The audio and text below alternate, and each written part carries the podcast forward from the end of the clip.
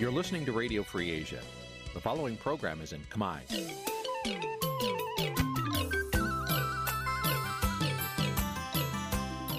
នេះជាកម្មវិធីផ្សាយ Vuthu Azizi Serai នេះជាកម្មវិធីផ្សាយរបស់ Vuthu Azizi Serai ជាភាសាខ្មែរ Vuthu Azizi Serai សូមស្វាគមន៍លោកអ្នកនាងទាំងអស់ពីរដ្ឋធានី Washington នៃសហរដ្ឋអាមេរិក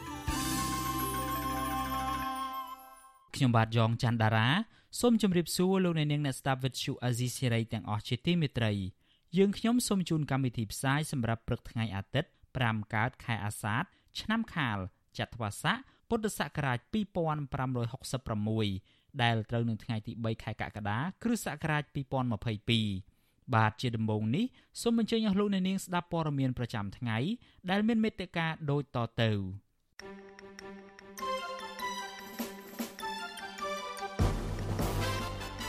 អ្នកការទូតជាន់ខ្ពស់អាស៊ានជួបតំណាងភាគីពាក់ព័ន្ធដើម្បីស្វាស្វែងរកសន្តិភាពនៅប្រទេសភូមាអង្គការសារព័ត៌មានជំរុញឲ្យរដ្ឋាភិបាលពន្លឿនការបង្កើតច្បាប់ស្តីពីសិទ្ធិទទួលបានព័ត៌មានអង្គការសង្គមស៊ីវិលនិងក្រមយុវជនផ្សព្វផ្សាយទស្សនៈទានបណ្ឌិតកែមលីនៅក្នុងឱកាសខួប6ឆ្នាំនៃគិតកម្មលើរូបលោក ស្ថាប័នស្រាវជ្រាវអាមេរិកថាទីក្រុង Washington មិនគួរអោបក្រសោបរបបលោកហ៊ុនសែនឡើយរួមនឹងព័ត៌មានសំខាន់ៗមួយចំនួនទៀត។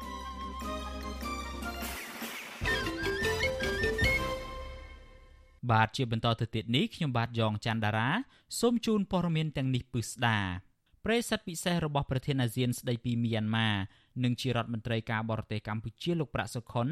បានជួបពិភាក្សាការងារជាមួយប្រធានគណៈកម្មាធិការចរចាសន្តិភាពជាតិនិងតំណាងក្រុមអង្គការប្រដាប់អាវុធជនជាតិភៀតតិចភូមាកាលពីថ្ងៃទី2ខែកក្កដាលោកប្រាក់សុខុនដែលអមដំណើរដោយអគ្គលេខាធិការរងអាស៊ានទទួលបន្ទុកសហគមន៍សង្គមវប្បធម៌អាស៊ាន លោកឯកភពផាន់ថាវង បានជួបពិភាក្សាការងារជាមួយតំណាងទាំង7នៃក្រុមអង្គការប្រដាប់អាវុធជនជាតិភៀតតិចភូមានិងបានចុះហត្ថលេខាលើកិច្ចព្រមព្រៀងឈប់បាញ់គ្នា ជាមួយក្រុមប្រឹក្សារដ្ឋបាលជាតិនៃរបបសឹកក្រសួងការបរទេសកម្ពុជាឲ្យដឹងនៅលើបណ្ដាញសង្គម Facebook កាលពីថ្ងៃទី2ខែកក្កដាថាលោកប្រាក់សុខុនបានចែករំលែកអំពីការអនុវត្តគោលនយោបាយឈ្នះឈ្នះរបស់លោកនាយរដ្ឋមន្ត្រីហ៊ុនសែនជាមួយប្រធានគណៈកម្មាធិការចរចាសន្តិភាព និងសាមគ្គីភាពជាតិនិងសមាជិកក្រុមប្រឹក្សាជាតិមីយ៉ាន់ម៉ាលោកឧត្តមសេនីយ៍យ៉ាភីយ៉ាកាលពីថ្ងៃទី1ខែកក្កដាដើម្បីជួយឲ្យប្រទេសមួយនេះទទួលបានសុខសន្តិភាព ការផ្សះផ្សាជាតិនិងបញ្ជៀសពីគំនាបរបស់បណ្ដាប្រទេសលោកខាងលិចនៅក្នុងជំនួបនេះដែរភាគីទាំងពីរក៏បានពិភាក្សាយ៉ាងស៊ីជម្រៅអំពីបញ្ហាសំខាន់សំខាន់ជាច្រើន រួមមានស្ថានភាពនយោបាយនិងមនុស្សធម៌នៅតាមរដ្ឋនិងតំបន់ព្រមទាំងការចូលរួមចំណែករបស់ក្រុមអង្គការប្រដាប់អាវុធជនជាតិភៀតតិចភូមានៅក្នុងកិច្ចព្រមព្រៀងបទឈប់បាញ់ថ្នាក់ជាតិលោកប្រាក់សុខុនក៏បានផ្លាស់ប្តូរយោបល់និងទស្សនៈស្ដីពីលទ្ធភាពដើម្បីឲ្យសម្រេចបាននូវកិច្ចព្រមព្រៀងសន្តិភាព និងផលប្រយោជន៍រួមរបស់ពលរដ្ឋភូមាទាំងអស់ក្នុងនោះរួមមានការផ្តល់ជំនួយមនុស្សធម៌និងយុទ្ធនាការចាក់វ៉ាក់សាំងបង្ការជំងឺ Covid-19 ទៅដល់ប្រជាពលរដ្ឋភូមាដែលនៅតំបន់ឆ្ងាយដាច់ស្រយាលកាលពីថ្ងៃទី30មិថុនាលោកប្រាក់សុខុនក៏បានជួបមេដឹកនាំយោធាផ្ដាច់ការមីយ៉ាន់ម៉ាគឺលោកមីនអងលៀងនិងសមាជិកក្រុមប្រឹក្សាជាតិភូមាដើម្បីជជែកពិភាក្សាបន្តអំពីការអនុវត្តកិច្ចព្រមព្រៀង5ចំណុចរបស់អាស៊ាន ស្ដីពីដំណោះស្រាយវិបត្តិនៅភូមាប្រេសិតពិសេសអាស៊ាន និងជារដ្ឋមន្ត្រីការបរទេសកម្ពុជាលោកប្រាក់សុខុនកំពុងធ្វើទស្សនកិច្ចនៅភូមាជាលើកទី2ចាប់ពីថ្ងៃទី29មិថុនាដល់ថ្ងៃទី3ខែកក្កដានៅក្នុងគោលបំណងបង្កើតបរិយាកាសអំណោយផល សម្រាប់ដំណើរការសន្ទនានយោបាយដោយមានការចូលរួមពីគ្រប់ភាគីពាក់ព័ន្ធ។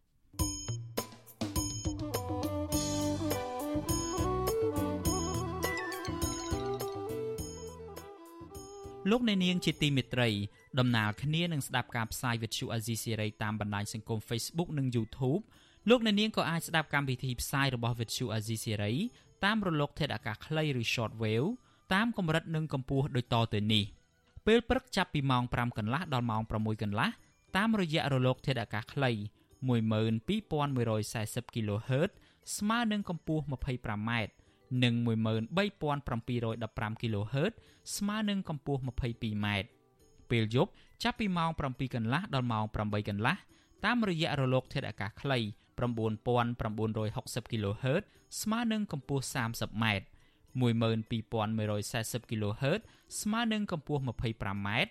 និង11885 kHz ស្មើនឹងកម្ពស់ 25m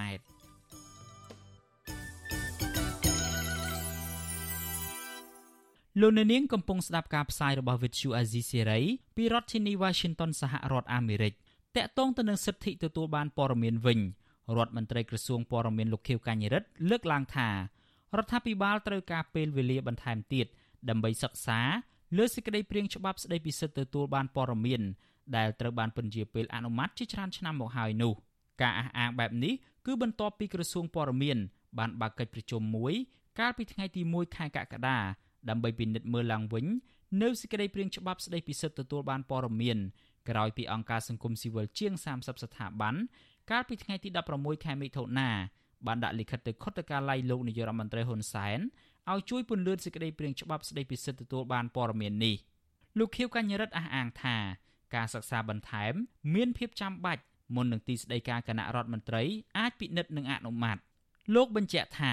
ច្បាប់ទាំងឡាយ ត្រូវតែគោរពតាមស្តង់ដារអន្តរជាតិនិងស្របតាមស្ថានភាពជាក់ស្ដែងរបស់ប្រទេសនីមួយៗនិងស្ថានភាពនយោបាយទោះជាយ៉ាងណាអង្គការសង្គមស៊ីវិលផ្នែកសេរីភាពសារព័ត៌មានស្នើយ៉ាងទទូចដល់ក្រសួងព័ត៌មានឲ្យពន្លឿននីតិវិធីនានាដើម្បីឲ្យច្បាប់ស្តីពីសិទ្ធិទទួលបានព័ត៌មាននេះអាចលេចចេញជារូបរាងបាននៅពេលឆាប់ៗខាងមុខនេះបាទជាបន្តទៅទៀតនេះសូមលោកអ្នកនាងស្ដាប់បទសម្ភាសន៍របស់លោកសេកបណ្ឌិត ជាមួយនឹងនាយកប្រតិបត្តិសមាគមសម្ព័ន្ធអ្នកសារព័ត៌មានកម្ពុជា ហៅកាត់ថាកម្ពុជា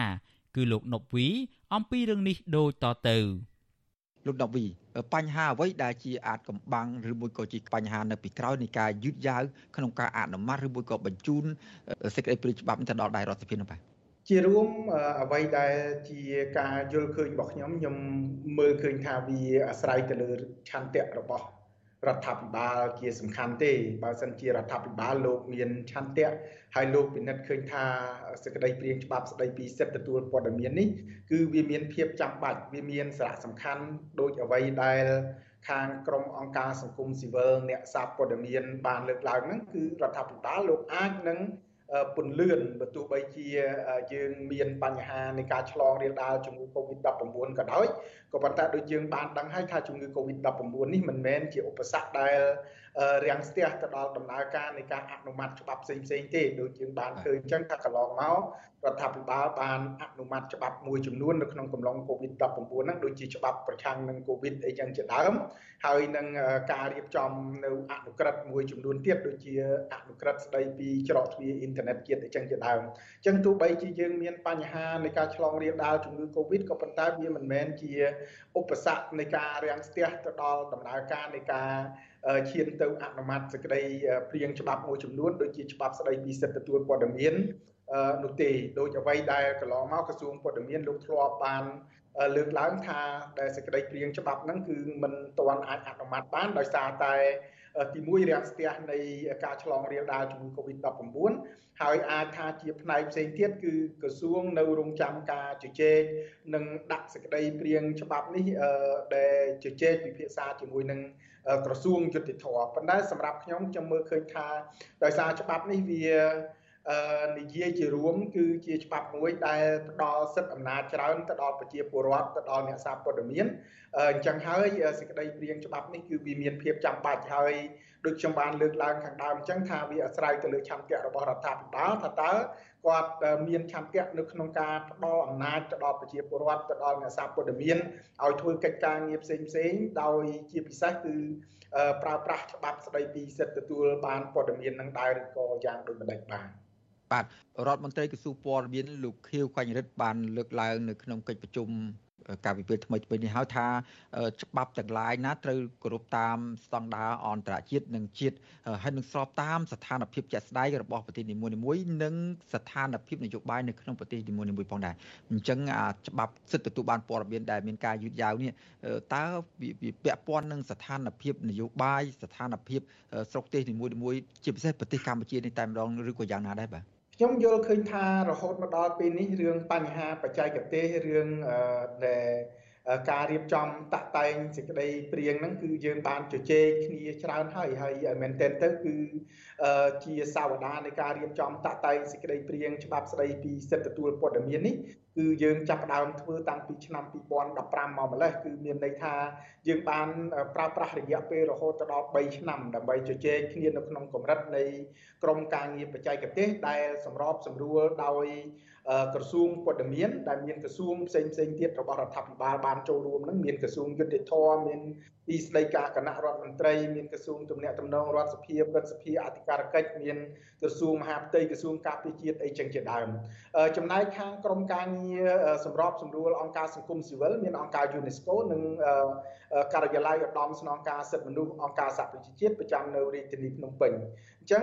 ការសម្របសម្រួលនេះគឺមានខាងអង្គការសង្គមស៊ីវិលផងមានខាងរដ្ឋាភិបាលផងយើងបានជជែកពិភាក្សានៅក្នុងកម្រិតក្របខ័ណ្ឌបច្ចេកទេសនឹងវា និយាយថាវាអាចទទួលយកបានហើយនៅក្នុងរង្វង់នៃការយល់ឃើញរបស់អង្គការសង្គមស៊ីវិលហើយនិងរដ្ឋាភិបាលក៏ប៉ុន្តែយើងឃើញថាមានការពន្យាពេលចាប់តាំងពីដើមឆ្នាំ2018រហូតមកដល់2022នេះវារយៈពេលវាជិត4ឆ្នាំមកហើយដែលសេចក្តីព្រៀងច្បាប់នេះនៅតែតែជជែកឆ្លងចុះឡើងរវាងតែក្រសួងព័ត៌មានជាមួយនឹងក្រសួងយុតិធធដោយមិនទាន់អាច ចេញរួចហើយយើងដឹងហើយថាសម្ដេចនាយករដ្ឋមន្ត្រីក៏លោកបានបដិញ្ញាចិត្តម្ដងនៅចំពោះមុខអ្នកសារព័ត៌មានរាប់ពាន់អ្នកកាលពីឆ្នាំ2000ដែរហើយជាមួយគ្នានេះទៀតសោតរដ្ឋមន្ត្រីក្រសួងព័ត៌មានឯកឧត្តមខៀវកញ្ញរិទ្ធក៏លោកធ្លាប់បានសន្យាជាថ្មីម្ដងទៀត នៅក្នុងឆ្នាំ2021ហើយរហូតមកដល់ឆ្នាំ2022នេះគឺយើងឃើញថាសេចក្តីព្រៀងហ្នឹងនៅតែជាសេចក្តីព្រៀងនៅឡើយដោយនៅមិនទាន់អាចបញ្ជូនទៅកាន់ទីស្តីការគណៈរដ្ឋមន្ត្រីដើម្បីធ្វើការពិនិត្យទៅទៀតយើងដឹងហើយថានៅក្នុងដំណើរការនៃការឈានទៅអនុម័តសេចក្តីព្រៀងច្បាប់នេះបើសិនជាអឺដែលក្រសួងឬមួយក៏ទីស្តីការគណៈរដ្ឋមន្ត្រីលោកអាចពន្លឿនបានខ្ញុំគិតថា យើងប្រហែលជាត្រូវចំណាយពេលយ៉ាងហោចណាស់ក៏ចុងឆ្នាំនេះទៀតដែរដើម្បីអាចថាឆ្លងកាត់ការជជែកពិភាក្សារបស់ទីស្តីការគណៈរដ្ឋមន្ត្រីមុននឹងសេចក្តីព្រៀងច្បាប់ហ្នឹងត្រូវបានបញ្ជូនទៅកាន់ដែលរដ្ឋសភានោះបាទមានមតិសាធារណជនមួយចំនួនបានលើកឡើងនិងបានកត់សម្គាល់ឃើញថារាល់សេចក្តីព្រៀងច្បាប់ទាំងឡាយដែលមិនទៅផ្ដល់ជាផលចំណេញដល់រដ្ឋាភិបាលគឺមាន មានការពិនិត្យល្អិតល្អន់មានការពិនិត្យបច្ច័យហើយត្រូវការប្រើរយៈពេលនឹងយូរជាងច្បាប់ដទៃដទៃទៀតដែល មិនសូវជាមានផលប្រយោជន៍ទៅដល់ប្រជាពលរដ្ឋមិនសូវជាមានផលប្រយោជន៍ទៅដល់មហាជនជាអង្គការសង្គមស៊ីវិលអីកន្លងមកហ្នឹងដូចជាមានសេចក្តីព្រាងច្បាប់មួយដែលឬក៏អនុក្រឹត្យមួយដែលនិយាយអំពីការគ្រប់គ្រងអ្នករិះគន់អ្នកបំផុសព័ត៌មានអំពី COVID-19 នេះជាដើមការរៀបចំអនុក្រឹត្យឬមួយក៏សេចក្តីព្រាងច្បាប់ដាក់ប្រទេសនៅក្នុងភាពអាសន្នជាដើមនេះហ្នឹងគឺថាមានការអនុវត្តបានលឿនគួរឲ្យកត់សម្គាល់ហើយជាពិសេសហ្នឹងច្បាប់ គ្រប់គ្រងអង្គការសមាគមនឹងក៏មានការអនុម័តបានលឿនដែរទោះបីជាមានការរិះគន់ការទៀមទាពីអង្គការសង្គមស៊ីវិលឲ្យពិនិត្យបច្ច័យបានម៉ត់ចត់ឲ្យមានការចូលរួមភាគីពាក់ព័ន្ធយ៉ាងណាក៏ដោយចុះក៏ប៉ុន្តែដោយឡែកសេចក្តីព្រាងច្បាប់ដែលស្តីពីសិទ្ធិទទួលបានព័ត៌មាននេះក៏នៅតែអូសបន្លាយបន្តទៀតឲ្យគ្មានការកំណត់តែចំពោះបញ្ហានេះលោក12យល់យ៉ាងម៉េចដែរបាទ ជាការយល់ឃើញរបស់ខ្ញុំខ្ញុំមើលទៅរដ្ឋាភិបាលហាក់ដូចជាមានការប្រយ័ត្នប្រយែងច្រើនណាស់នៅក្នុងការរៀបចំឬមួយក៏ពិភាក្សាឬក៏រុញច្បាប់អ្វីមួយដែលពាក់ព័ន្ធជាមួយនឹងការផ្ដល់អំណាចទៅដល់ប្រជាពលរដ្ឋឬមួយក៏ការផ្ដល់ផលប្រយោជន៍ទៅដល់សាធារណជនទូទៅហ្នឹងគឺថាទៅកាន់រដ្ឋសភាឬក៏នៅក្នុងដំណើរការនៃការអនុម័តច្បាប់ដែលមានទំនោរដូចនេះហ្នឹងគឺថាមានការយឺតយ៉ាវណាស់ បាទហើយនៅមានភាពប្រទៀងបន្ទង់ច្រើនណាស់ដូចជាយើងដឹងហើយរឿងច្បាប់តាក់ទងជាមួយនឹងសិទ្ធិទទួលព័ត៌មាននេះគឺជាឧទាហរណ៍ស្រាប់ ដូចជាដែលការធ្វើវិសោធនកម្មច្បាប់ស្តីពីរបបសារព័ត៌មានដែលមានផលប្រយោជន៍ទៅដល់អ្នកសារព័ត៌មានហ្នឹងក៏រហូតមកដល់ពេលនេះបានត្រឹមតែការលើកឡើងនៅការព្រួយផ្ដើមគំនិតនៅក្នុងការធ្វើវិសោធនកម្មដល់ឡើយនៅពេលដែលច្បាប់ហ្នឹងគឺមានមិនសូវមានអធិបុលនៅក្នុងការប្រើប្រាស់ចាប់តាំងពីឆ្នាំ1995មកហើយយើងឃើញមានច្បាប់ផ្សេងផ្សេងទៀតដែលមានទំនោរការពារផលប្រយោជន៍ទូទៅការពារជនរងគ្រោះអីហ្នឹងគឺថាមិនសូវមានការយកចិត្តទុកដាក់ឲ្យបានច្រើនដើម្បីជំរុញឲ្យមានការអនុម័តទេដូចជាច្បាប់ការពារសាកសីឬមួយក៏ច្បាប់ការពារបុគ្គលរាយការណ៍ផ្ដល់ព័ត៌មានយើងហៅថា visual blower ជាជាដើមហ្នឹងគឺថា នៅតែប្រទៀងបន្ទង់នៅមិនទាន់មានការអនុម័តនៅឡើយប៉ុន្តែផ្ទុយទៅវិញបើសិនជាយើងពិនិត្យមើលនៅច្បាប់មួយចំនួនដែលផ្ដល់អំណាចច្រើនទៅដល់រដ្ឋាភិបាលទៅដល់សមត្ថកិច្ចនៅក្នុងការគ្រប់គ្រងនៅក្នុងការដែលតាមដានឬមួយក៏នៅក្នុងការដាក់ ការរដ្ឋបတ်ដីមួយចំនួនទៅលើសេរីភាពទៅដល់សិទ្ធិប្រជាពលរដ្ឋហ្នឹងខ្ញុំមើលឃើញថាហាក់ដូចជាមានការពន្លឿនបានបានលឿនបើទោះបីជា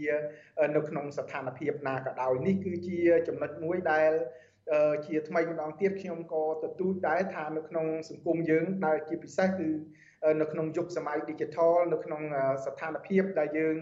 មានការចែករំលែកនៅព័ត៌មានคล้ายคล้ายព័ត៌មានដែលធ្វើឲ្យឲ្យប្រជាពលរដ្ឋមានការយល់ខុសច្រើនប្រជាពលរដ្ឋមិនទទួលបានព័ត៌មានឲ្យបានគ្រប់ជ្រុងជ្រោយហ្នឹងច្បាប់ស្ដីពីសិទ្ធិទទួលព័ត៌មាននេះគឺមានសារៈសំខាន់ណាស់សម្រាប់ការប្រើប្រាស់របស់ប្រជាពលរដ្ឋសម្រាប់ការចូលរួមរបស់ប្រជាពលរដ្ឋដើម្បីធ្វើឲ្យដំណើរការប្រជាធិបតេយ្យរបស់យើងហ្នឹងគឺមានអត្ថន័យគ្រប់គ្រាន់បាទ បាទអរគុណជម្រាបលាលោកនៅពីតែប៉ុណ្្នេះសិនបាទបាទអរគុណជម្រាបលាលោកសេកបណ្ឌិតបាទបាទលោកអ្នកនាងទើបតែបានស្ដាប់បទសម្ភាសន៍របស់លោកសេកបណ្ឌិតជាមួយលោកណប់វីនាយកប្រតិបត្តិសម្ព័ន្ធអ្នកសារព័ត៌មានកម្ពុជាហៅកាត់ថាកម្ពុជាតាក់ទងទៅនឹងសំណើសុំឲ្យក្រសួងព័ត៌មានពន្យាការបង្កើតច្បាប់ស្ដីពីសិទ្ធិទទួលបានព័ត៌មាន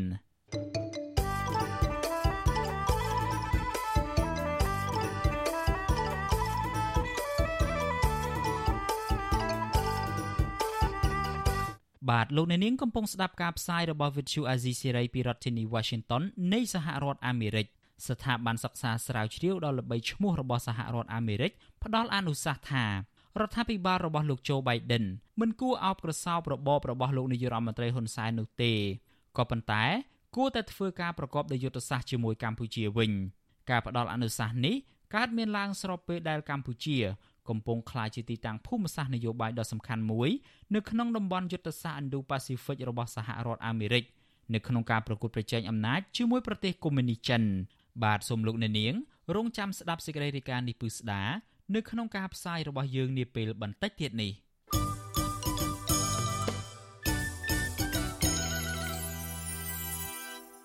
លោកអ្នកនាងជាទីមេត្រីតាក់ទងទៅនឹងរឿងក្តីក្តាំនៅតុលាការឯណោះវិញ មេធាវីការពារក្តីឲ្យកញ្ញាសេងធីរីសម្រាប់ប្តឹងទាស់ការសម្រេចរបស់សាលាដំបងរាជធានីភ្នំពេញដែលផ្ដន្ទាទោសកញ្ញា6ឆ្នាំ ទៅសាលាឧទ្ធររាជធានីភ្នំពេញមន្ត្រីសង្គមស៊ីវិលសង្កេតឃើញថាការចោទប្រកាន់លើកញ្ញាសេងធីរី មានចរិតនយោបាយនិងជំរុញទៅតុលាការគួរតែផ្ដល់យុត្តិធម៌ជូនកញ្ញាសេងធីរីឡើងវិញ បាទលោកយុនសាមៀនរាយការណ៍ព័ត៌មាននេះពីរដ្ឋធានី Washington កញ្ញាសេងតារីកំពុងជាប់ឃុំនៅពន្ធនាគារខេត្តព្រះវិហារត្រូវចំណាយលុយទិញរបស់របរប្រើប្រាស់នៅក្នុងពន្ធនាគារត្បិតមន្ត្រីពន្ធនាគារត្រឹមផ្ដល់ចានមួយស្លាបព្រាមួយនិងសម្លៀកបំពាក់មួយកំ pl ឲ្យកញ្ញាសេងតារីមេធាវីការពារក្តីឲ្យកញ្ញាសេងតារី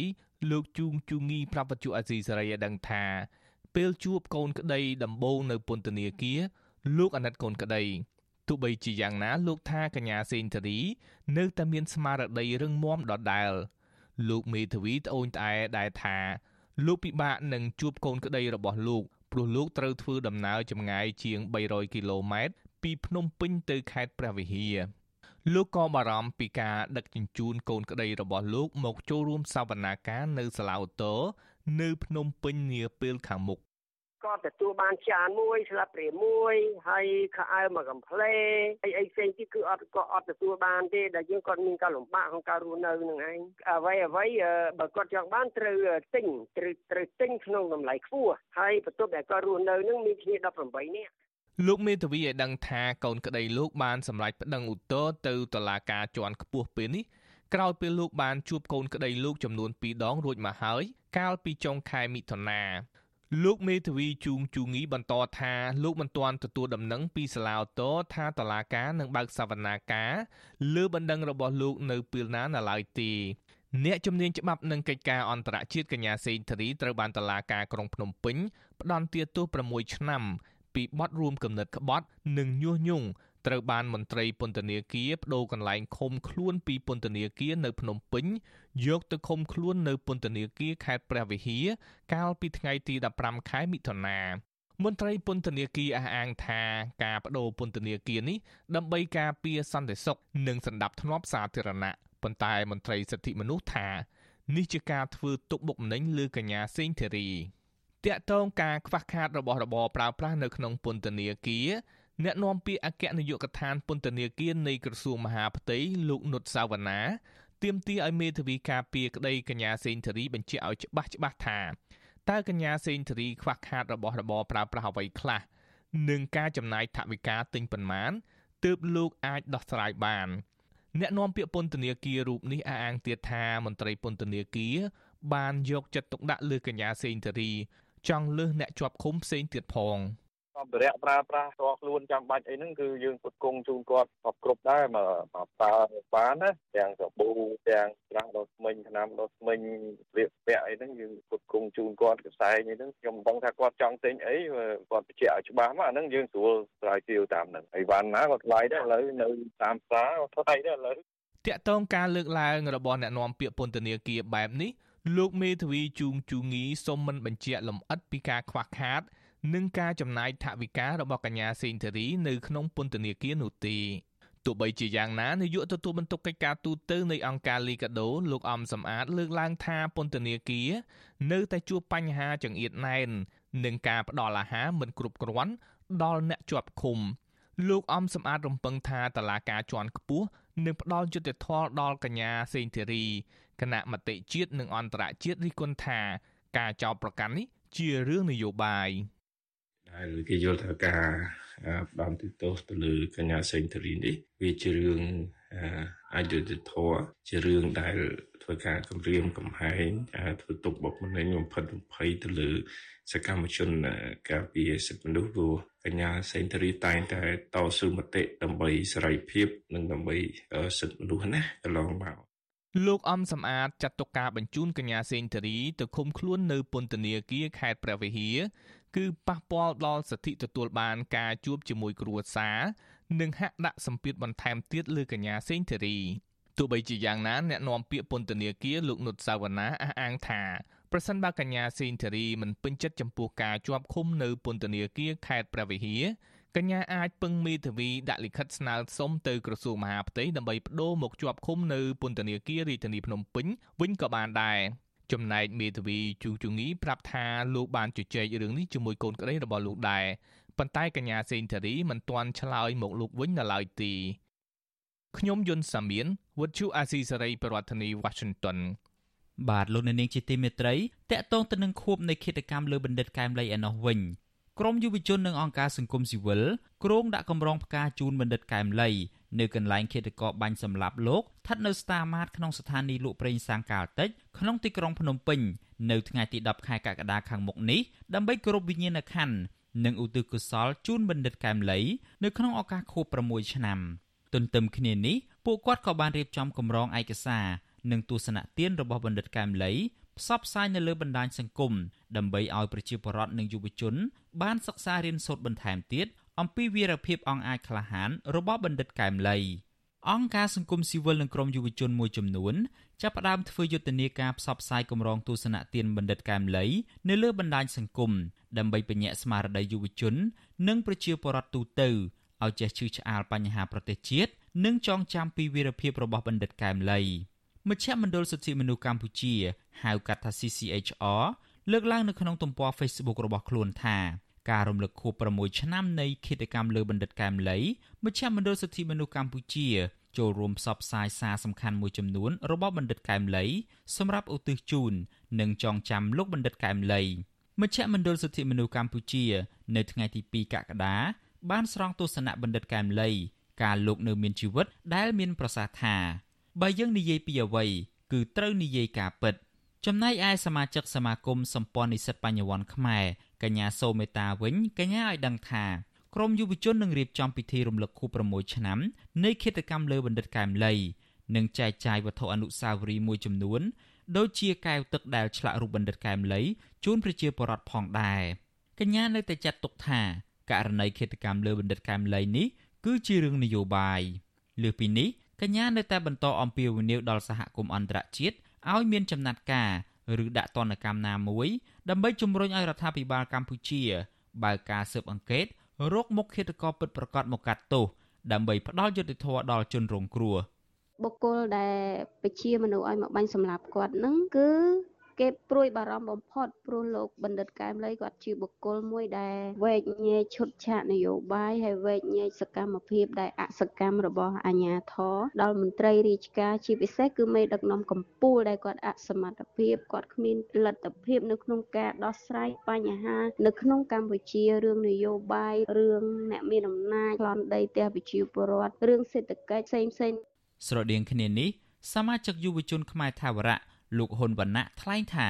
ក្រមយុវជនខ្មែរថាវរៈនឹងចូលរួមការប្រារព្ធពិធីរំលឹកខួប6ឆ្នាំនៃឃាតកម្មលើបណ្ឌិតកែមលីជាមួយសមាគមសម្ព័ន្ធនិស្សិតបញ្ញវន្តខ្មែរលោកបន្តថាក្នុងឱកាសខួប6ឆ្នាំនេះក្រមយុវជនខ្មែរថាវរៈនិងក្រមយុវជននៃសមាគមសម្ព័ន្ធនិស្សិតបញ្ញវន្តខ្មែរគ្រងរៀបចំពិធីបំពោះកោសក់ការតមអាហារនិងការដាក់កម្រងផ្កាជូនបណ្ឌិតកែមលី នៅកន្លែងឃាតករបាញ់សម្លាប់លោកដើម្បីគោរពវិញ្ញាណក្ខន្ធនិងឧទ្ទិសកុសលជូនបណ្ឌិតកែមលីឲ្យកើតជាខ្មែរជារៀងរហូត ធីដែលរំលឹកវិញ្ញាណក្ខន្ធបនខួបលោកមនិតកែមលីជារៀងរាល់ឆ្នាំនេះគឺជាការបង្ហាញការស្រឡាញ់វាមិនបានជះផលអីអាក្រក់ទៅដល់រដ្ឋាភិបាលទេ ហើយក៏មិនគួរណាមានការមករារាំងមកប្រើកម្លាំងមកបំបិតសិទ្ធិដែរការធ្វើការរារាំងបំបិតសិទ្ធិនេះមិនបានជួយទៅវាបែរទៅជាបង្ហាញទៅមហាជនថាឃាតកម្មលោកមនិតកែមលីនេះអាចអ្នកខ្លះយល់ច្រឡំថាខាងរដ្ឋាភិបាលដែលជាអ្នកពាក់ព័ន្ធបើមិនពាក់ព័ន្ធហេតុអីបានហាមឬក៏រារាំងគេមិនឲ្យគេធ្វើអញ្ចឹងពួកយើងធ្វើនេះគ្នា4 10នាក់20 30នាក់ខ្ញុំជឿជាក់ថាពួកគាត់គួរតែយោគយល់ពិចារណាថាអ្វីដែលជាភាពចំណេញដល់រដ្ឋាភិបាលហើយអ្វីដែលជាភាពខាតវិទ្យុអាស៊ីសេរីមិនទាន់អាចតាក់ទងប្រធានអង្គភិបអ្នកណែនាំពាក្យរដ្ឋាភិបាលលោកផៃស៊ីផានដើម្បីសាកសួរជុំវិញរឿងក្រមយុវជនក្រុងដាក់កម្រងផ្កាជូនបណ្ឌិតកែមលីនៅទីតាំងខេត្តកោបាញ់សម្រាប់លោកនេះបាននៅឡើយទេ នៅថ្ងៃទី2កក្កដាជុំវិញរឿងនេះ នាយកទទួលបន្ទុកកិច្ចការទូតនៃអង្គការសិទ្ធិមនុស្សលីកាដូលោកអំសំអាត មានប្រសាសន៍ថាអង្គការលីកាដូនឹងចូលរួមជាមួយក្រុមអង្គការសង្គមស៊ីវិលផ្សេងផ្សេងដើម្បីរំលឹកពីវីរភាពរបស់បណ្ឌិតកែមលីតាមរយៈការផ្សព្វផ្សាយទស្សនៈទាននិងការវិភាគបញ្ហាសង្គមជាតិរបស់លោកបណ្ឌិត ក្រៅពីនេះលោកនៅតែទាមទារឲ្យរដ្ឋាភិបាលបើកការស៊ើបអង្កេតឲ្យបានច្បាស់លាស់ចំពោះអ្នកដែលពាក់ព័ន្ធលើករណីឃាតកម្មបណ្ឌិតកែមលីដើម្បីផ្ដល់យុត្តិធម៌ជូនក្រុមគ្រួសារជនរងគ្រោះក ន្លងមកអង្គការសង្គមស៊ីវិលយើងមិនជឿជាក់ថាមានតែលោកជួបសម្រាប់ឬក៏លោកអឺតអាងតែម្នាក់ទេដែលបានបាញ់សម្លាប់លោកបណ្ឌិតកែមលីហើយជារឿងមួយដែលមិនគួរឲ្យជឿបានទេអញ្ចឹងករណីនេះគឺទាមទារឲ្យមានការស៊ើបអង្កេតដោយតម្លាភាពយុត្តិធម៌ស្វែងរកអ្នកដែលពាក់ព័ន្ធនិងអ្នកនៅពីក្រោយខ្នងនេះយកមកអនុវត្តតាមច្បាប់ដើម្បីផ្ដល់យុត្តិធម៌សម្រាប់លោកបណ្ឌិតកែមលី ក្រមយុវជននិងមន្ត្រីអង្គការសង្គមស៊ីវិលលើកឡើងថាទោះបីជាឃាតករបានឆក់យកជីវិតបណ្ឌិតកែមលីអស់រយៈពេល6ឆ្នាំកន្លងមកយ៉ាងណាក្តីប្រជាពលរដ្ឋខ្មែរគ្រប់ស្រទាប់វណ្ណៈទាំងមន្ត្រីរាជការសិស្សនិស្សិតនិងព្រះសង្ឃជាដើម នៅតែមានក្តីរន្ធត់សោកស្ដាយនិងគោរពស្រឡាញ់វីរភាពរបស់បណ្ឌិតកែមលីជានិច្ច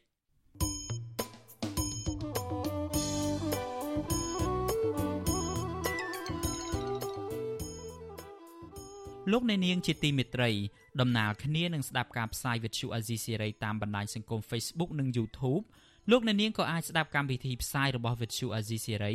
តាមរលកធាតុអាកាសខ្លីឬ Shortwave តាមកម្រិតនិងកម្ពស់ដូចតទៅនេះពេលព្រឹកចាប់ពីម៉ោង5កន្លះដល់ម៉ោង6កន្លះតាមរយៈរលកធាតុអាកាសខ្លី12140 kHz ស្មើនឹងកម្ពស់ 25m និង13715 kHz ស្មើនឹងកម្ពស់ 22m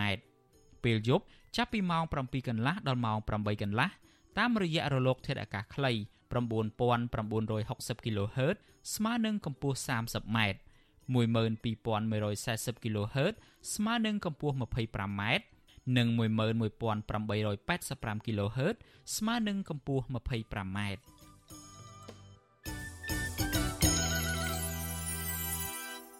បាទលោកអ្នកនាងជាទីមេត្រី យើងងាកទៅបញ្ហាដោះមីនឯនោះវិញកម្មវិធីអភិវឌ្ឍអង្គការសហប្រជាជាតិហៅកាត់ថា UNDP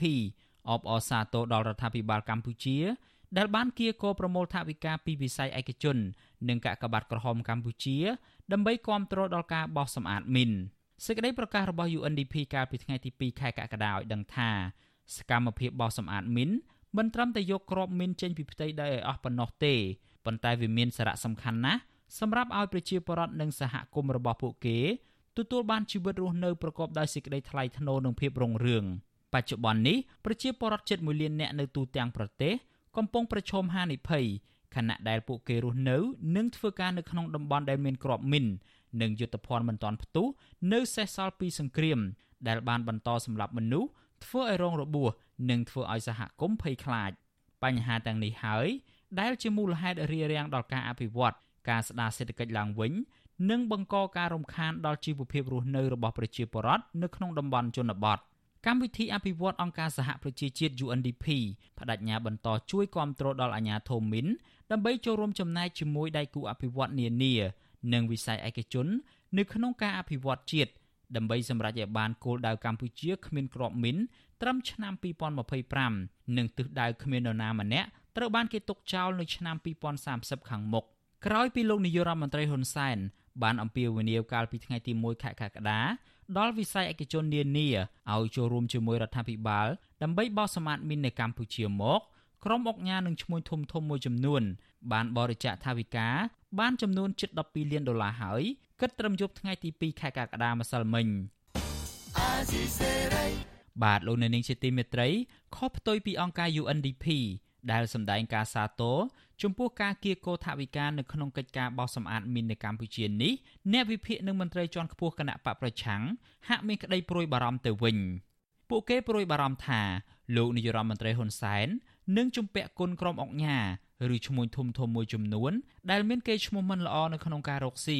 ក្រោយទទួលបានប្រាក់ជំនួយបរិច្ចាគទ្រង់ទ្រាយធំជាថ្មីម្ដងទៀតនៅក្នុងកិច្ចការបោះសម្អាតមីននៅកម្ពុជានេះបាទអ្នកស្រីម៉ៅសុធីនីរាយការណ៍ព័ត៌មាននេះ ក្រុមអ្នកវិភាគនិងមន្ត្រីជាន់ខ្ពស់គណៈបកប្រឆាំង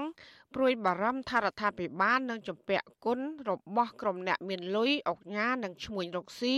បន្ទាប់ពីអ្នកទាំងនោះ បានផ្ដល់ប្រាក់ជំនួយឧបត្ថម្ភនៅក្នុងការងារសម្អាតមីនតបតាមការស្នើសុំរបស់លោកនាយករដ្ឋមន្ត្រីហ៊ុនសែន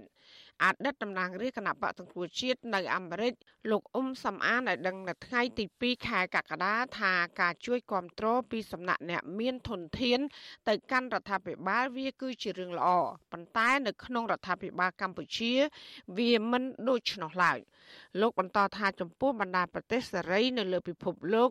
អ្នកមានធនធានតែងជួយជ្រោមជ្រែងទៅកាន់រដ្ឋាភិបាលដោយសុទ្ធចិត្តដែលផ្ទុយពីសប្បុរសជននៅកម្ពុជាតែងតែរំពឹង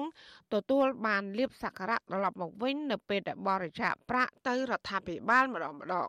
លោកបន្តថាលៀបសក្ការៈនេះច្រើនតែជារបស់ទុច្ចរិតនិងខុសច្បាប់ ដែលរដ្ឋាភិបាលបើកដៃឲ្យអ្នកជំនួញទាំងនោះ អាចរកស៊ីដោយរលូន នៅទន្ទឹមគ្នានេះលោកយល់ថាការផ្ដល់ជំនួយ ពីក្រមអង្គការឬអ្នកជំនួញធំធំទ្រង់ទ្រាយធំជាថ្មីនេះដល់រដ្ឋាភិបាលលោកហ៊ុនសែនដើម្បីយកទៅបោះសម្អាតមីននៅពេលនេះប្រកាសជាលោកហ៊ុនសែនផ្ដល់លៀបសក្ការៈដល់ពួកគេវិញដែរ។ អានេះដូចគេនិយាយថាឯងជួយអញអញជួយឯងណាអាហ្នឹងជួយគ្នាទៅវិញទៅមកពេលហ្នឹងគឺខាងអង្គញាជួយទៅលោកហ៊ុនសែនដល់ពេលក្រោយមកលោកហ៊ុនសែនក៏ជួយទៅអង្គញាវិញតាមរយៈដូចខ្ញុំថាអញ្ចឹងបានទទួលផលប្រយោជន៍តាមរយៈដីសម្បត្តិសេដ្ឋកិច្ចលុបបឹងកាប់កាប់បំផ្លាញព្រៃឈើឬក៏របបទុច្ចរិតផ្សេងផ្សេងឬក៏អ្នកខ្លះអាចពាក់ព័ន្ធនឹងគ្រឿងញៀនផងក៏ក៏មានដែរអាហ្នឹងឃើញជាក់ស្ដែងអញ្ចឹង លោកអ៊ុំសំអានលើកឡើងដែរថាកិច្ចការបោះសម្អាតមីនលោកហ៊ុនសែនគួរតែស្នើសុំជំនួយពីក្រៅប្រទេសឬក៏ប្រាថវិកាជាតិជាជាងការអំពាវនាវរកជំនួយពីឈ្មួញរកស៊ីឬក៏អ្នកវិនិយោគនៅក្នុងប្រទេសលោកថាការធ្វើបែបនេះនឹងបញ្ជារដ្ឋាភិបាល ពីការផ្ដាល់ផលប្រយោជន៍ទុច្ចរិតណាមួយតបស្នងទៅអ្នកជំនួញទាំងនោះវិញ ស្តីងគ្នានេះអ្នកសិក្សាផ្នែកច្បាប់លោកវ៉ុនចាន់លូតលើកឡើងថាការផ្ដល់ជំនួយទៅកាន់រដ្ឋាភិបាលពីសំណាក់អ្នកជំនួញវិនិយោគិនធំធំនៅក្នុងស្រុកដើម្បីជួយសម្រួលបន្ទុករដ្ឋាភិបាលគឺជាទង្វើល្អប្រសិនបើការបរិច្ចាគនោះគឺធ្វើឡើងដោយស្មោះត្រង់មិនរំពឹងទទួលបានផលប្រយោជន៍អ្វីមួយមកវិញ លោកបន្តថាជាក់ស្ដែងរាល់ការបរិច្ចាគរបស់អ្នកមានធនធាន ទៅឲ្យរដ្ឋាភិបាលកម្ពុជា គឺពួកគេ តែងតែទទួលបានរៀបសក្ការៈត្រឡប់មកវិញ តាមរយៈការអនុញ្ញាតឲ្យពួកគេពង្រីកអាជីវកម្មរកស៊ីហើយដែលភាគច្រើនប៉ះពាល់ដល់ប្រជាពលរដ្ឋលោកបារម្ភថាប្រសិនបើវប្បធម៌អញជួយឯងឯងជួយអញនៅតែមានបន្តបែបនេះទៀតវានឹងធ្វើឲ្យប៉ះពាល់ដល់សង្គមធ្ងន់ធ្ងរជាពិសេសគឺភាពអយុត្តិធម៌រវាងពួកឈ្មួញជាមួយប្រជាប្រដ្ឋដែលជាជនរងគ្រោះ។ អញ្ចឹងយើងឃើញថានៅពេលដែលអ្នកជំងឺយើងហើយជាមួយនឹងអ្នកដឹកនាំគាត់មាននៅអ្នកនោះគ្នាចិត្តស្និទ្ធបែបនេះវានាំផលវិបាកផលវិបាកដល់សង្គមដែរជាពិសេសដូចកម្ពុជាយើងយើងឃើញថានៅពេលដែលមានបញ្ហាជាបរដ្ឋចេញតវ៉ា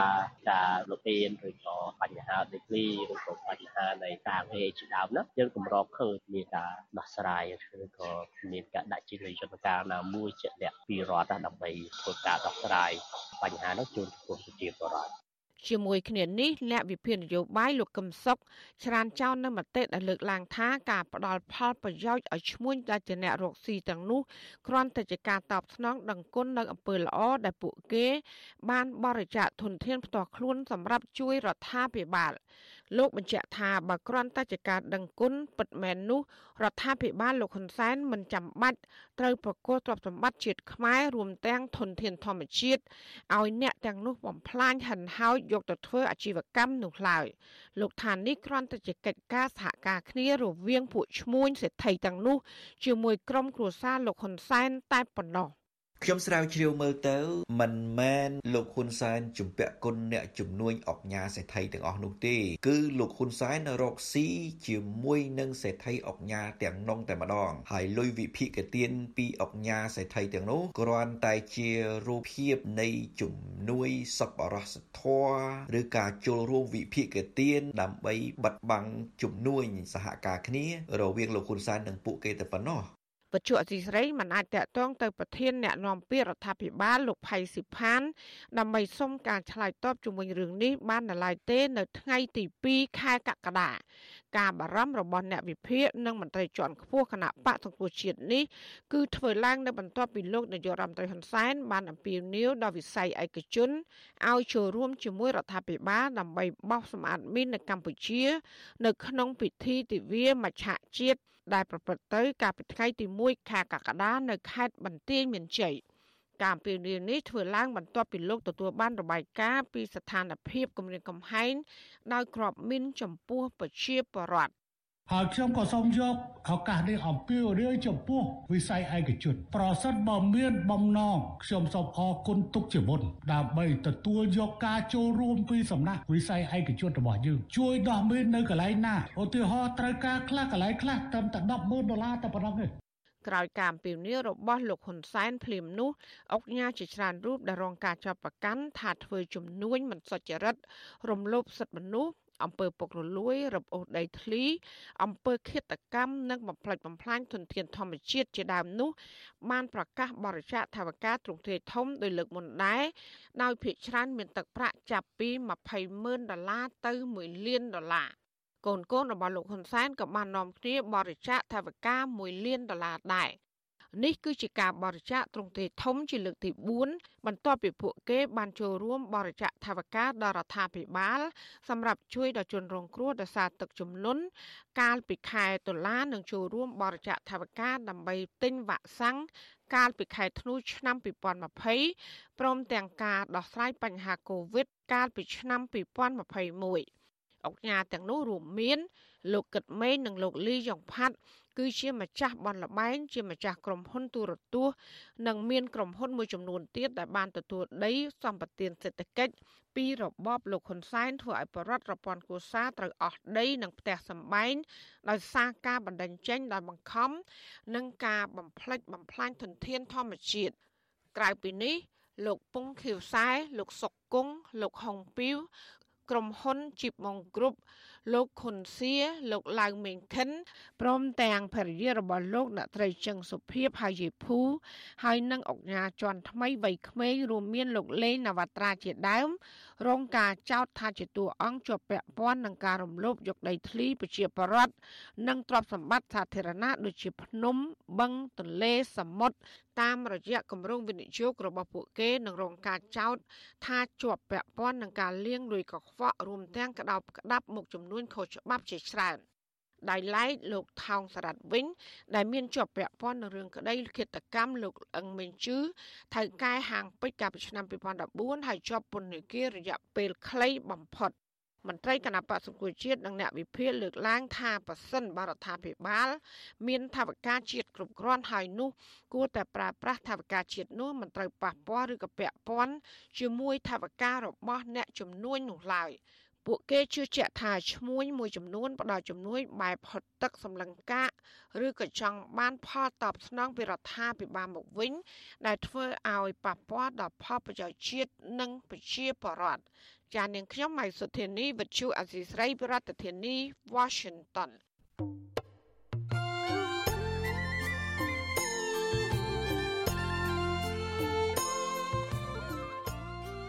លោកអ្នកនាងជាទីមេត្រី នៅក្នុងឱកាសនេះដែរខ្ញុំបាទសូមថ្លែងអំណរគុណដល់លោកអ្នកនាងកញ្ញាទាំងអស់ដែលតែងតែមានភក្ដីភាពចំពោះការផ្សាយរបស់យើងហើយចាត់ទុកការស្ដាប់វិទ្យុអាស៊ីសេរីជាផ្នែកមួយនៃសកម្មភាពប្រចាំថ្ងៃរបស់លោកអ្នកនាង។ គឺការគ្រប់គ្រងរបស់លោកអ្នកនាងនេះហើយដែលធ្វើឲ្យយើងខ្ញុំមានទឹកចិត្តកាន់តែខ្លាំងថែមទៀតនៅក្នុងការស្វែងរកនិងផ្តល់ព័ត៌មានជូនលោកអ្នកនាង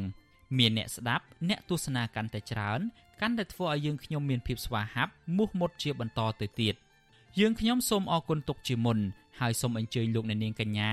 ចូលរួមជំរុញឲ្យសកម្មភាពផ្តល់ព័ត៌មានរបស់យើងនេះឲ្យកាន់តែជោគជ័យបន្ថែមទៀត។ លោកអ្នកនាងអាចជួយយើងខ្ញុំបានដោយគ្រាន់តែចុចចែករំលែកឬ Share ការផ្សាយរបស់យើងនៅលើបណ្ដាញសង្គម Facebook និង YouTube ទៅកាន់មិត្តភ័ក្តិដើម្បីឲ្យការផ្សាយរបស់យើងបានទៅដល់មនុស្សកាន់តែច្រើន បាទសូមអរគុណ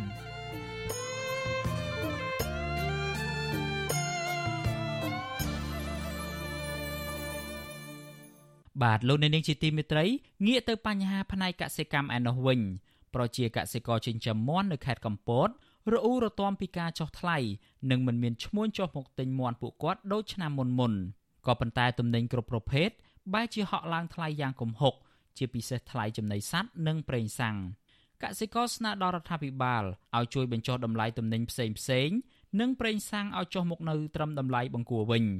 បាទលោកជាតិចំណានរាយការណ៍ព័ត៌មាននេះប្រជាកសិករចិញ្ចឹមមាន់នៅក្នុងស្រុកបន្ទាយមាសខេត្តកំពតបារម្ភពីការធ្លាក់ចុះនៅតម្លៃមាន់ចិញ្ចឹមយកសាច់ ប៉ុន្តែតម្លៃជីចំណីសត្វភ្លើងនិងប្រេងឥន្ធនៈបែរជាឡើងថ្លៃឥតឈប់ឈរការឡើងថ្លៃមុខទំនិញសពសារពើនោះកសិករពុំសូវបារម្ភនោះទេ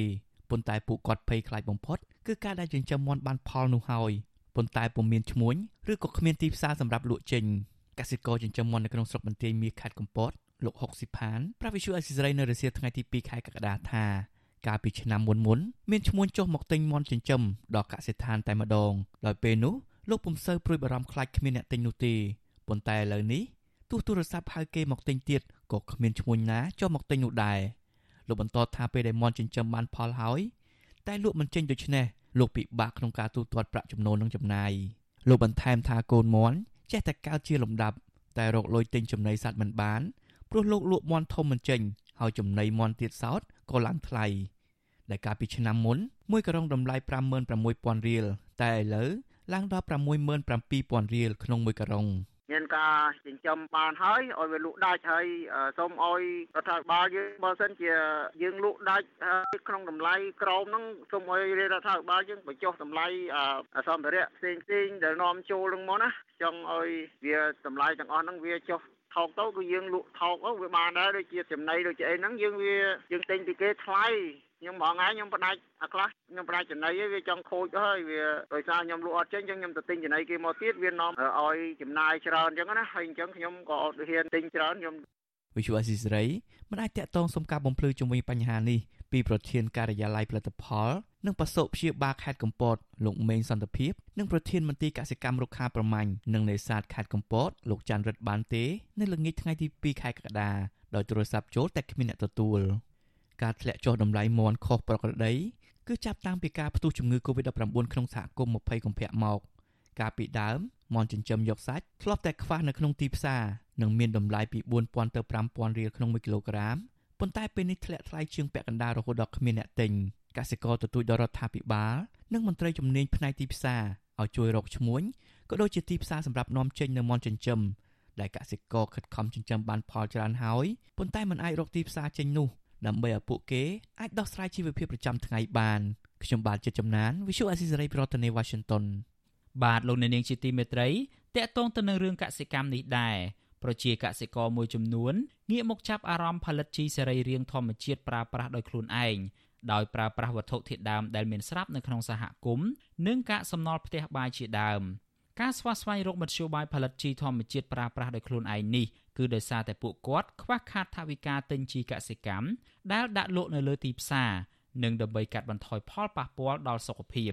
បាទលោកសេកបណ្ឌិត មានសេចក្តីរាយការណ៍ពិស្ដារអំពីរឿងនេះកសិករមួយចំនួនត្អូញត្អែថាសពថ្ងៃនេះ របរធ្វើស្រែចម្ការមិនសូវជាបានផលចំណេញប៉ុន្មានឡើយដោយសារតែពួកគាត់ត្រូវចំណាយដើមទុនច្រើន ជាពិសេសចំណាយលើជីថ្នាំកសិកម្មនិងប្រេងសាំងជាដើម ដែលបន្តឡើងថ្លៃជាបន្តបន្ទាប់ចំណាយផលិតផលរបស់ពួកគាត់ដែលទទួលបានលក់បានថោកបញ្ហានេះបានធ្វើឲ្យមុខរបររបស់ពួកគាត់ពេលខ្លះប្រឈមនឹងការខាត់ចុងខាត់ដើមកសិករដាំទុរេននៅស្រុកសំឡូតខេត្តបាត់ដំបង លោកស្រីវិតសុភា មានប្រសាសន៍ឲ្យដឹងថា ដើម្បីដោះស្រាយបញ្ហានេះកសិករភ ieck ច្រើនបានព្យាយាមសិក្សាស្វែងយល់អំពីការផលិតជីតាមបណ្ដាញសង្គម មានដូចជា YouTube និង Facebook ជាដើម ដែលមានអ្នកជំនាញផលិតជីធម្មជាតិនិងកសិករដែលមានបទពិសោធន៍ក្នុងរឿងនេះ បានចែករំលែកឬហៅថា share តាមបណ្ដាញសង្គមមួយនេះរបៀបផលិតជីទឹកសម្រាប់ដាក់ដំណាំចាយទុនតិចតែប្រើបានច្រើនជំរាបសួរបងប្អូនជាកសិករខ្ញុំនឹងបង្ហាញអំពីការធ្វើអាហារបំរុងរុក្ខជាតិសម្រាប់តរេន ប៉ុនប៉ុណ្ណាក្រោយនេះប៉ុនប៉ុនអស់នេះនេះតរេននៅក្នុងរូបភាពអស់នេះទោះយ៉ាងណាលោកស្រីវត្តសុភា នៅតែត្អូញត្អែថា ការផលិតជីសរីរាង្គដោយខ្លួនឯងនេះពុំបានច្រើនតាមតម្រូវការឡើយព្រោះការប្រមូលវត្ថុធាតុដើមទាំងនោះ បានតិចតួចនិងត្រូវការអ្នកជំនាញក្នុងការផលិតជីមកជួយណែនាំឬមកបង្រៀនអំពីការផលិតជីធម្មជាតិនិងរបៀបប្រើប្រាស់ដោយផ្ទាល់បន្ថែមទៀត យើងធ្វើតាម YouTube យើងធ្វើ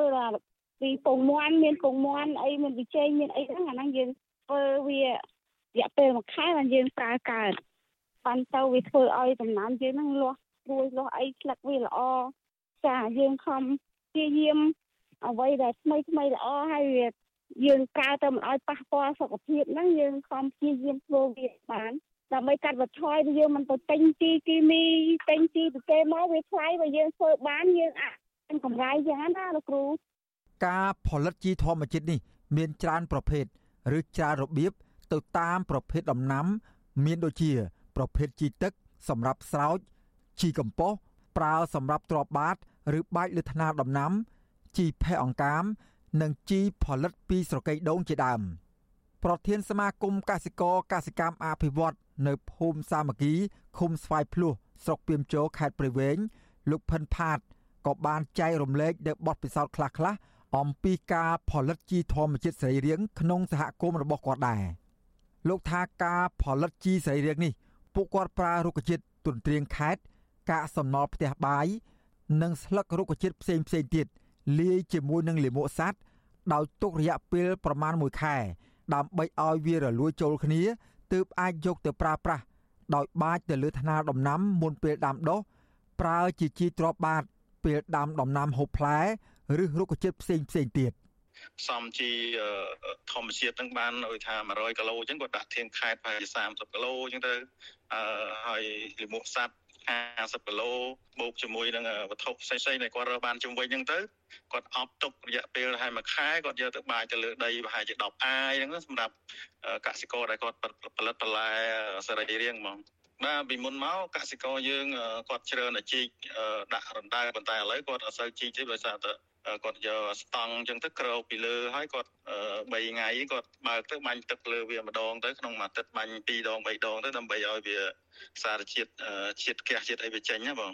បាទរយៈពេលវាចាប់ពីមួយខែឡើងទៅយើងអាចយកទៅប្រើបានណាបងបើជាបន្ទាន់អីអាចមកកន្លះខែអីហ្នឹង បាទយើងបាចទៅលើដីលាតហើយដីប្រហែលជា10អាយហ្នឹងហើយគាត់ព្យួរប្រកបចោលរយៈពេលមួយអាទិត្យទៅ10ថ្ងៃបានគាត់យកដំណាំទៅដាំការផលិតជីសរីរាង្គដោយប្រើវត្ថុធាតុដើមដែលមាននៅក្នុងសហគមន៍នេះក្រៅពីផ្ដល់ឲ្យកសិករចំណេញនៅថវិកា វាក៏បានផ្ដល់នូវផលប្រយោជន៍ជាច្រើនផ្សេងផ្សេងទៀតដែរលោកផិនផាតឲ្យដឹងថាជីសរីរាង្គដែលកសិករផលិតឲ្យខ្លួនឯងដោយប្រើប្រាស់ នៅវត្ថុធាតុដើមដែលមាននៅក្នុងសហគមន៍ពួកគាត់នោះ បានជួយកែប្រែស្ថានភាពដីឲ្យធូរល្អដីមានជីជាតិជួយកម្ចាត់មេរោគនៅលើដំណាំ ធ្វើឲ្យដំណាំមានការលូតលាស់ល្អជួយឲ្យសហគមន៍និងជុំវិញផ្ទះកសិករមានបរិស្ថានល្អនិងជួយកាត់បន្ថយផលប៉ះពាល់សុខភាពដល់អ្នកបរិភោគផងដែរ អ្នកជំនាញកសិកម្មណែនាំឲ្យកសិករបង្កើនការដាំដុះរុក្ខជាតិមួយចំនួន ដែលមានស្លឹកច្រើនឬរុក្ខជាតិប្រភេទវល្លិនៅលើដីទំនេរចោលឬដាំនៅតាមរបងផ្ទះដើម្បីទុកប្រើប្រាស់ក្នុងការផលិតជីធម្មជាតិឲ្យបានចំនួនច្រើន តាមតម្រូវការប្រើប្រាស់ក្នុងរបរកសិកម្មរបស់ខ្លួនខ្ញុំបាទសេកបណ្ឌិតវិទ្យុអាស៊ីសេរីពីរដ្ឋធានីវ៉ាស៊ីនតោន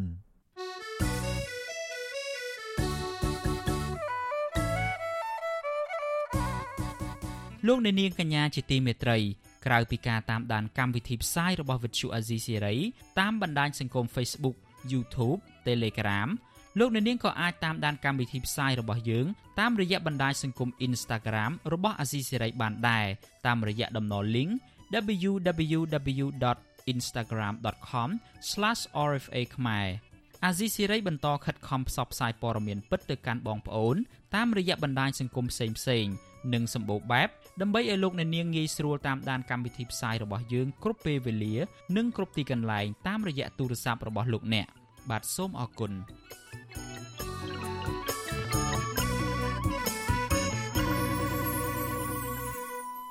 បាទលោកអ្នកនាងកំពុងស្ដាប់ការផ្សាយរបស់ Vuthu Azizi Serai ពីរដ្ឋធានី Washington នៃសហរដ្ឋអាមេរិកតកតងទៅនឹងរឿងទំនាក់ទំនងការបរទេសឯណោះវិញ ស្ថាប័នសិក្សាស្រាវជ្រាវដ៏ល្បីឈ្មោះរបស់សហរដ្ឋអាមេរិកផ្ដល់អនុសាសន៍ថារដ្ឋាភិបាលរបស់លោកโจ Biden មិនគួរអោបក្រសោបរបបរបស់លោកនាយរដ្ឋមន្ត្រីហ៊ុនសែននោះទេក៏ប៉ុន្តែគួរតែធ្វើការប្រកបដោយយុទ្ធសាស្ត្រជាមួយកម្ពុជាវិញការផ្ដល់អនុសាសន៍នេះកើតមានឡើងស្របពេលដែលកម្ពុជា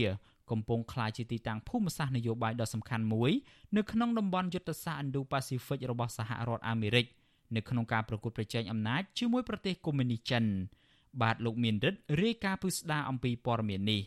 ការផ្ដល់អនុសាសន៍ដល់ក្រុមអ្នកធ្វើគោលនយោបាយអាមេរិកបែបនេះធ្វើឡើងក្នុងរបាយការណ៍ថ្មីមួយទើបនឹងចេញផ្សាយដោយស្ថាប័នស្រាវជ្រាវដ៏ល្បីរបស់សហរដ្ឋអាមេរិកឈ្មោះមជ្ឈមណ្ឌលដើម្បីការសិក្សាពីយុទ្ធសាស្ត្រនិងកិច្ចការអន្តរជាតិហៅកាត់ថា CSIS របាយការណ៍លើកឡើងថាគោលនយោបាយការបរទេសរបស់សហរដ្ឋអាមេរិកបច្ចុប្បន្នចំពោះកម្ពុជា មានលក្ខណៈមិនច្បាស់លាស់ប្រទីនផ្ទុំគ្នា និងមិនមានចីរភាពសំណួរដ៏សាមញ្ញមួយដែលរបាយការណ៍នេះពិនិត្យមើលគឺថាតើសហរដ្ឋអាមេរិកគួរដាក់ទណ្ឌកម្មកម្ពុជា ដែលមានរបបគ្រប់គ្រងបែបផ្ដាច់ការមិនគួររាប់រកលុះត្រាណាតែប្រទេសនេះមានការផ្លាស់ប្តូរនយោបាយជាប្រព័ន្ធឬមួយក៏សហរដ្ឋអាមេរិកគួរចាត់ទុកកម្ពុជាជាដៃគូចាំបាច់នៅសមរភូមិមុខនៃការប្រកួតប្រជែងគ្នារវាងមហាអំណាច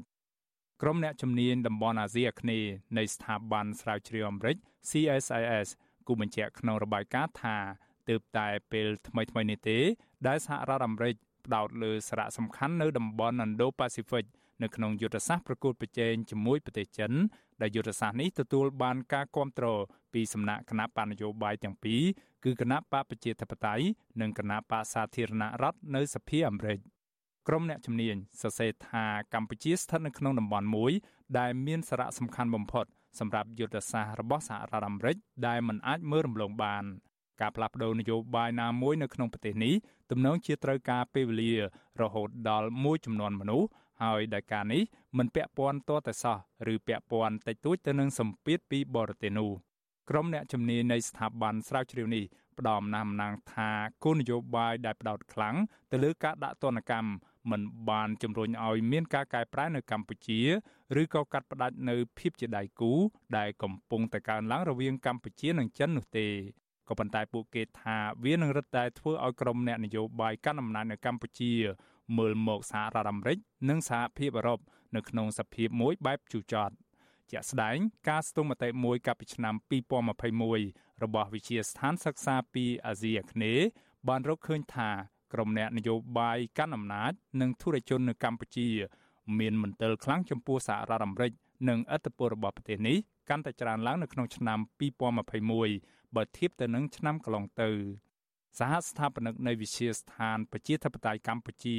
និងជាអ្នកជំនាញភូមិសាស្ត្រនយោបាយបណ្ឌិតរវណ្ណៈចង់ឃើញសហរដ្ឋអាមេរិកបន្តផ្ដោតលើបញ្ហាស្ដារលទ្ធិប្រជាធិបតេយ្យនិងបញ្ហាសិទ្ធិមនុស្សទន្ទឹមនឹងនេះលោកក៏ចង់ឃើញសហរដ្ឋអាមេរិក ពង្រីកអធិបតេយ្យសេដ្ឋកិច្ចនៅកម្ពុជា តាមរយៈការបង្កើនការវិនិយោគលើវិស័យនានាគឺយើងត្រូវយកការតាក់ទាញយកមុនស្នេហ៍ទៅជំនួសការតាក់ទាញមុនស្នេហ៍របស់ចិនព្រោះចិនគាត់បកកែប្រើហៅ charming offensive strategy របស់គេហ្នឹងគឺបកកែការអូសទាញប្រទេសនៅក្នុងភូមិផងរបស់ជាមួយកម្ពុជាហ្នឹងដើម្បី ជាសំណាញ់ពេញពីងមកចិនគាត់ប្រើយុទ្ធសាស្ត្រការទូតសេដ្ឋកិច្ចជាសំណាញ់ពីងដើម្បីរួមរដ្ឋបិទបដាប្រទេសនៅក្នុងតំបន់អាស៊ីគ្នានឹងឲ្យចូលនៅក្នុងគេហៅថាទម្លងកោជោនៃហោភូមិសាស្ត្រនយោបាយរបស់ចិនអញ្ចឹងសហរដ្ឋអាមេរិកជាមួយសម្ព័ន្ធមិត្តគួរតែបាទប្រើប្រាស់យុទ្ធសាស្ត្រការទូតសេដ្ឋកិច្ចឬក៏ការអភិវឌ្ឍសេដ្ឋកិច្ចតាមគំរូរបស់សហរដ្ឋអាមេរិកទៅប្រជែងនឹងគំរូអភិវឌ្ឍសេដ្ឋកិច្ចបែបចិនដើម្បីធ្វើឲ្យបណ្ដាប្រទេស នៅក្នុងតំបន់ជាពិសេសកម្ពុជាមើលឃើញថាការអភិវឌ្ឍសេដ្ឋកិច្ចបែបលោកខាងលិចហ្នឹងវានៅតែជាគំរូសម្រាប់ការអភិវឌ្ឍជាសកលតែចិនមិនអាចជំនួសបានដោយឡែកសម្រាប់អ្នកជំនាញវិទ្យាសាស្ត្រនយោបាយលោកអែមសវណ្ណារាវិញលោកយល់ឃើញថាការប្រើប្រាស់វិធីសាស្ត្របែបត្រជាក់របស់សហរដ្ឋអាមេរិកមកលើរដ្ឋាភិបាលកម្ពុជានឹងមិនអាចជួយជំរុញឲ្យកម្ពុជាងាកមកស្ដារលទ្ធិប្រជាធិបតេយ្យនិងសិទ្ធិមនុស្សបាននោះឡើយម្យ៉ាងវិញទៀត លោកបញ្យល់ថាការដាក់ទណ្ឌកម្មជាក់លាក់មកលើមន្ត្រីនយោបាយកម្ពុជាទៀតសោតក៏មិនមែនជាកត្តាចម្បងមួយ ជំរុញឲ្យកម្ពុជាងាកទៅរកចិននោះដែរទោះបីជាសហរដ្ឋអាមេរិកដាក់ទណ្ឌកម្មខ្លះឬក៏ទណ្ឌកម្មច្រើនមកលើរដ្ឋាភិបាលកម្ពុជាក៏ពុំទាន់ជំរុញឲ្យមានការបើកលំហសេរីភាពឡើងវិញដែរលុះត្រាតែការផ្ទេរអំណាចនៅក្នុងគណៈបកកណ្ដាលអំណាចនឹងមានភាពសច្ចេនិងសេរីភាពឲ្យទើបអាចឆ្លើយតបទៅនឹងសហគមន៍អន្តរជាតិឬក៏មានចរន្តសង្គមដែលជំរុញឲ្យអ្នកនយោបាយឬក៏អ្នកដឹកនាំប្រទេសនឹងឆ្លើយតបនឹងសហគមន៍អន្តរជាតិនិងតម្រូវការរបស់ពលរដ្ឋនៅក្នុងប្រទេសតែមានចរន្តពីរនឹងគូគ្នាទៅរដ្ឋាភិបាលអាចបើកលំហសេរីភាពឬងាកមករកសង្គមដោយបរិយាកាសមុនឆ្នាំ2017បានបើតាមក្រុមអ្នកជំនាញវិទ្យាស្ថានសិក្សាស្រាវជ្រាវអាមេរិក CSIS ពួកគេផ្ដល់អំណះអំណាងថាក្រុង Washington ចាំបាច់ត្រូវរៀបចំនៅគោលនយោបាយមួយមកលើកម្ពុជា ដែលផ្ដោតលើអនាគតកាលពួកគេថាគោលនយោបាយបច្ចុប្បន្នរបស់សហរដ្ឋអាមេរិក ដែលរួមមានដូចជាការដាក់ទណ្ឌកម្មនិងកិច្ចពិគ្រោះយោបល់បែបម្ដងម្កាលនោះនឹងអនុញ្ញាតឲ្យការចាក់ចែងពីអំណាចរបស់លោកហ៊ុនសែនត្រូវបន្តដោយការគ្រប់គ្រងអំណាចបែបផ្ដាច់ការមួយទៀតពីសំណាក់កូនប្រុសច្បងរបស់លោកគឺលោកហ៊ុនម៉ាណែតឬក៏ពីសំណាក់ការដណ្ដើមអំណាចណាមួយពីក្រមយោធានៅកម្ពុជាដដែលក្រុមអ្នកជំនាញដដែលផ្ដល់អនុសាសន៍ថាក្រុមអ្នកធ្វើគោលនយោបាយសហរដ្ឋអាមេរិកចាំបាច់ត្រូវបង្កើតវិធីសាស្ត្របែបច្នៃប្រឌិត និងបែបស្ថាបនាដែលក្នុងនោះរួមមានដូចជាផ្ដោតលើការគ្រប់គ្រងផលប៉ះពាល់នៅតំបន់តារាសាគរនិងតំបន់កំពង់ផែកងទ័ពជើងទឹករៀមពិចារណាលើការពិគ្រោះយោបល់ការវិនិយោគលើប្រព័ន្ធផ្សព្វផ្សាយឯករាជ្យជាភាសាខ្មែរនិងការបង្កើនការផ្សព្វផ្សាយពីជំនួយរបស់សហរដ្ឋអាមេរិកទៅកម្ពុជាជាដើមក្រៅពីនោះក្រុមអ្នកជំនាញដដែលក៏ចង់ឃើញសហរដ្ឋអាមេរិក ពង្រីកការពិគ្រោះយោបល់ជាមួយក្រុមអង្គការសង្គមស៊ីវិលនៅតាមថ្នាក់មូលដ្ឋាន ការចរចាស្វែងរកដំណោះស្រាយលើបំណុលដែលកម្ពុជាជំពាក់កាលពីសម័យសង្គ្រាមព្រមទាំងការធ្វើគោលនយោបាយដោយផ្ដោតអាទិភាពលើធម្មពលបៃតង និងហេដ្ឋារចនាសម្ព័ន្ធនៅកម្ពុជាជាដើមខ្ញុំបាទមេរិត Visual C ស្រីរាយការណ៍ពីរដ្ឋធានី Washington